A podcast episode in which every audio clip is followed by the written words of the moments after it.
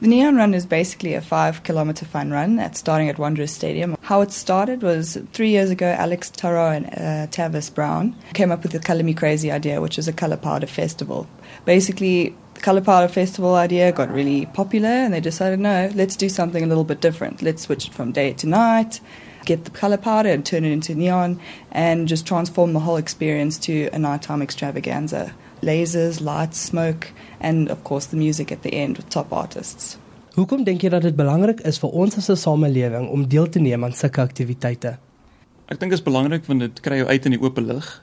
Dit sal dalk vir jou sê waar jy is op jou fiksheidskaal en hoe gesond jy is.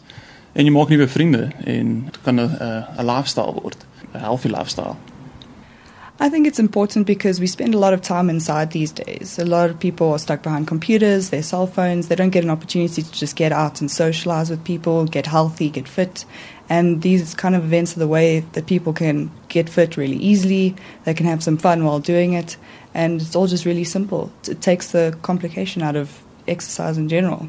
The music attracts people that wouldn't usually do a run distance attracts people that wouldn't do a run, and the fact that you can do it any way you want. You can bring your kids. A lot of people have done it with the pram, with their kids along. So it's a family activity, it's a friend activity, it's just something to do. Get out there and have some fun and get some fit while doing it.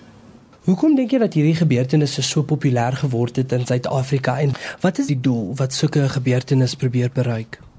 Ek dink die die boodskap is net kom en geniet jouself. Dit is lekker om te oefen. Oefening hoef nie vervelig te wees nie.